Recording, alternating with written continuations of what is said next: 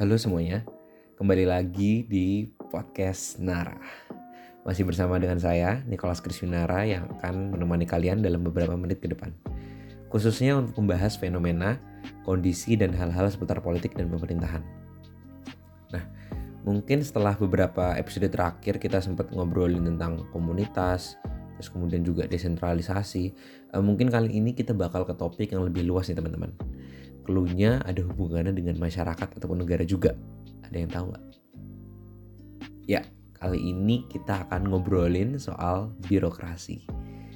Mungkin kalau teman-teman dengar birokrasi pasti identik banget dengan beberapa kata seperti sulit, kompleks, rumit, meja ke meja dan masih banyak lagi ya. Bahkan sekelas seniman seperti Seleng aja itu bikin lagu dengan judul birokrasi kompleks. Gila kompleks apa sih? Tapi coba kita tunggu dulu ya sebenarnya teman-teman. Apa sih sebenarnya birokrasi itu sampai dapat julukan banyak seperti itu?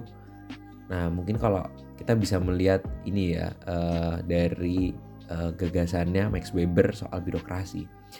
Menurutnya birokrasi itu adalah suatu bentuk organisasi nih teman-teman yang penerapannya berhubungan dengan tujuan yang hendak dicapai bentuk organisasi yang dimaksud ini adalah organisasi dengan sistem otoritas yang ditetapkan dan dirumuskan secara rasional untuk dapat mengatur dan mengorganisir pekerjaan yang dilakukan oleh banyak orang. Nah, jadi sebenarnya birokrasi ini erat banget kaitan dengan sistem dalam suatu organisasi nih teman-teman atau lembaga yang memiliki tujuan tertentu seperti yang disebut Max Weber tadi. Nah, kalau kita melihat secara makro nih ya teman-teman sebenarnya birokrasi ini juga erat kaitannya dengan sistem penyelenggaraan pemerintah loh. Jadi kalau kita bisa, misalnya kita lihat juga ya secara uh, implementasinya di negara dari bentuk negara gitu dalam keseharian kita, birokrasi bisa aja kayak bikin SIM ya kan, bikin KTP atau uh, hal-hal lainnya gitu yang uh, sesuai dengan pelayanan publik. Nah sebenarnya pelaksanaan pelayanan publik tadi itu tujuannya sebenarnya kalau uh, uh, apa dalam pemer uh, pelaksanaan pemerintahan sekarang itu sebutannya untuk uh, menciptakan suatu uh, area atau tata pemerintahan yang baik atau yang kita sebut sebagai good governance gitu teman-teman. Karena dengan good governance itu sebenarnya uh, apa namanya masyarakat akan lebih dapat uh, bergerak bersama dengan pemerintah gitu. Jadi ada kerjasama dalam jaringan ada uh, adanya apa namanya hubungan yang baik serta adanya uh, perkembangan-perkembangan untuk membangun bersama birokrasi ataupun pelaksanaan pelaksanakan atau agenda-agenda uh, di dalam suatu negara gitu. Nah kalau tadi sedikit uh, flashback nih tadi teman-teman ya. Tadi aku sempat ngobrol atau sempat uh, menyatakan judul lagu slang yang namanya birokrasi kompleks. Nah tapi sebenarnya seberapa kompleks sih sebenarnya birokrasi ini? Kalau kita tarik mundur ke belakang nih ya sedikit teman-teman. Sebenarnya birokrasi itu sangat dinamis banget. Apalagi uh, pasca Orde Baru itu banyak banget perubahan-perubahan yang mendorong pemerintah, politisi atau bahkan birokrat untuk merubah dan mengembangkan atau bahkan mengganti sistem birokrasi yang ada. Karena kalau kita lihat dulu tuh uh, di era Orde Baru banyak banget budaya KKN kayak korupsi, kolusi dan nepotisme itu langgeng banget di tubuh birokrasi kita Alhasil banyak permasalahan maladministrasi atau bahkan yang terkuak selama ini uh, membuat jaringan itu jadi lebih kompleks atau bahkan kalau anak muda zaman sekarang nih ya teman-teman bilangnya ribet. nah seperti itu. Nah mungkin dari pembahasan tadi itu sebenarnya apa sih yang sebenarnya pengen kita lihat lebih jauh gitu dari birokrasi ini. Nah mungkin podcast ini akan sedikit berfokus nih teman-teman sama salah satu uh, studi kasus khusus gitu yang mungkin baru-baru ini juga terjadi di birokrasi kita. Mungkin kalau ada yang teman-teman tahu itu adalah rencana uh, pemerintahan Jokowi untuk menggantikan birokrasi dengan kecerdasan buatan. Kalau kita lihat dari idenya sendiri itu sangat futuristik banget ya. Uh, apa namanya kecerdasan buatan, mungkin AI atau keren banget maksudnya bisa dibayangin gitu ya ada robot atau atau bahkan apa digitalisasi atau program-program lainnya. Tapi kira-kira bagaimana ya kita kalau kita lihat lebih jauh gitu ya pengaruhnya terhadap situasi Indonesia gitu atau sekarang atau nantinya gitu. Uh, mungkin aku mau sedikit mulai dengan beberapa uh, legitimasi dari uh, media nih teman-teman.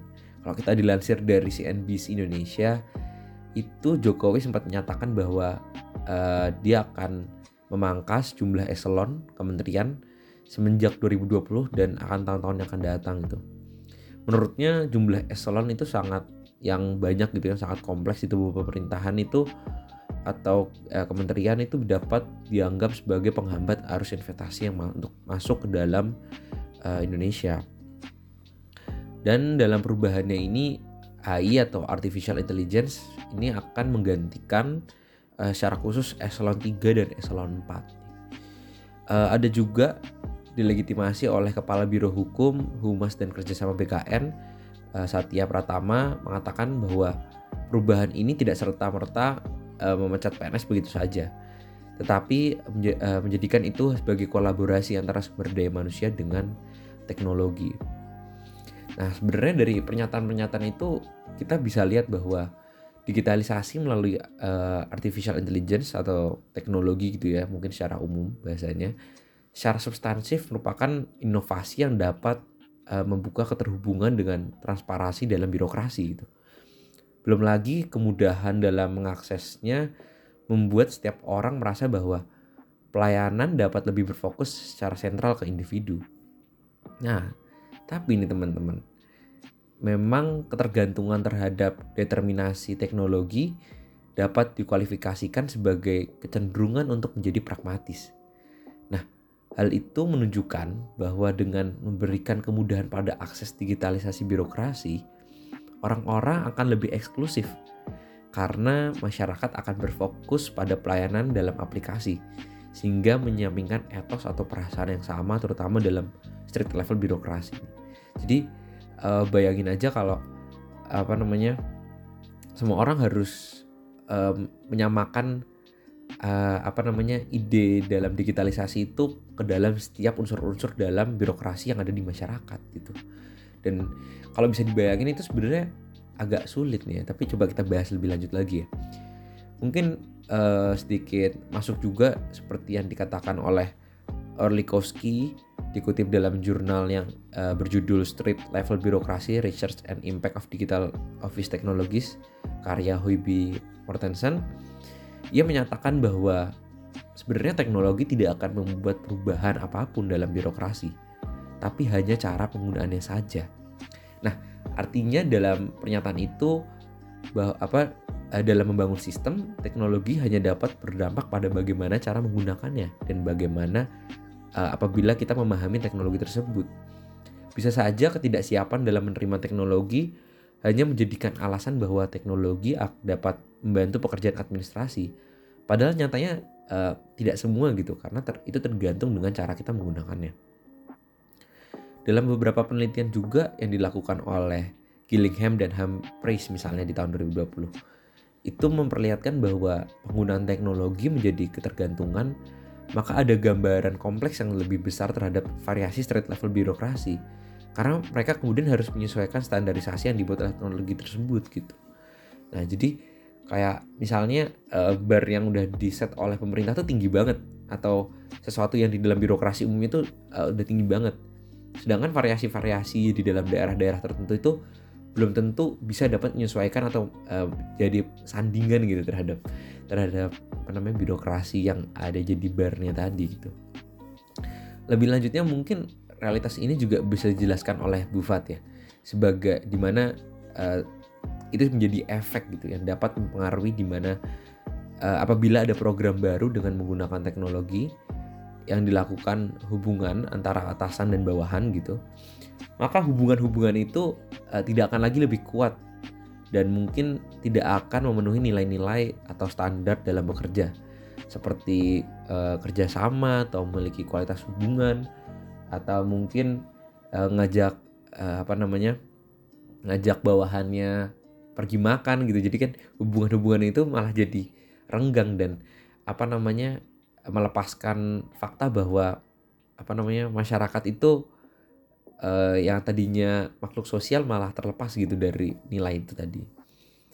Nah mungkin berdasarkan pembahasan tadi mungkin uh, saya jujur melihat ada kemungkinan bahwa digitalisasi birokrasi ini itu dapat menuai apa uh, menuai pro dan kontra ya entah itu bisa saja jadi kegagalan atau mungkin bisa jadi uh, jadi nilai penambah atau apa namanya hal-hal yang menopang kemudahan dalam uh, pemberdayaan atau uh, pelayanan publik di satu sisi banyak sekali manfaat yang didapatkan terutama pelaksanaan tuntutan masyarakat yang selama ini eh, menginginkan kemudahan birokrasi. Bahkan semenjak tahun 98 kalau kita bisa lihat uh, pengen ada keterbukaan dan transparansi dari masyarakat dan hal itu tuntutan-tuntutan itu jadi mendorong pemerintah untuk terus mengisi apa mencari inovasi dan mungkin digitalisasi ini adalah salah satu uh, evaluasi dari segala bentuk realitas tadi. Namun di satu sisi juga ada kita juga mungkin secara bisa melihat secara luas gitu ya. Misalnya faktor sosiologis yang mungkin di Indonesia itu belum siap secara penuh terhadap situasi ini. Apalagi daerah-daerah terluar Jawa misalnya yang sulit untuk menjangkau adanya hal-hal seperti ini. Ada permasalahan yang lebih kompleks gitu secara regional uh, selain mendigitalisasi birokrasi. Misalnya ada membangun jaringan atau network gitu membangun kerjasama antar desa dan lembaga pemberdayaan. Serta masih banyak lagi yang mungkin uh, secara street level birokrasi itu bisa dijabarkan lebih banyak gitu. Ya belum lagi ya teman-teman eh, nilai-nilai dalam pembangunan teknologi itu selain yang disebutkan tadi itu sebenarnya menjadikan masyarakat lebih eksklusif itu memutarbalikan fakta bahwa uh, tumbuhnya individualitas dapat uh, merenggangkan ide-ide kebersamaan dan semangat gotong royong.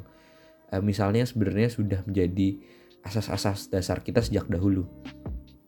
Poin itu juga mungkin secara eksplisit uh, diterangkan oleh Delanti ya dalam bukunya yang berjudul Community, di mana perkembangan teknologi dan komunitas itu berbanding terbalik. Nah, mungkin dari seluruh elaborasi tadi kita sampai di mungkin di sekitar titik terakhirnya nih ya di penghujungnya nih teman-teman. Walaupun mungkin mungkin secara reflektif kita bisa dapat melihat lebih uh, lebih luas lagi nih uh, mungkin saya rasa dalam pengembangan teknologi itu digitalisasi birokrasi itu pemerintah itu uh, memerlukan uh, penglihatan lebih jauh terhadap dampak yang diberikan.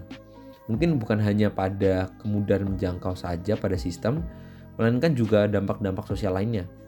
Bisa saja dengan digitalisasi ini kemudian penggunaan uh, AI atau artificial intelligence atau mungkin secara umum teknologi gitu ya dalam birokrasi ternyata malah menjadikan dalih ini sebagai dalih gitu untuk menguntungkan segelintir pihak yang mungkin memiliki kekuatan secara penuh uh, secara penuh untuk mengendalikan uh, teknologi tadi sehingga lebih mudah untuk menjalankan akses-akses kekuasaannya uh, di masa depan terutama dalam bentuk-bentuk seperti mungkin uh, penggunaan big data dan segala macamnya gitu ya. Nah, uh, argumen tadi uh, bisa jadi dapat jadi salah satu penutup dari sesi podcast ini. Semoga teman-teman uh, dapat menangkap beberapa pembahasan menarik tadi dan uh, bisa juga ikut merefleksikan uh, hal ini bersama-sama ya dan melihat perkembangan politik dan pemerintahan khususnya dalam studi kasus ini yaitu di Indonesia. Uh, cukup dari itu saja dari saya. Nama saya Nicholas Krisvinara, pamit undur diri.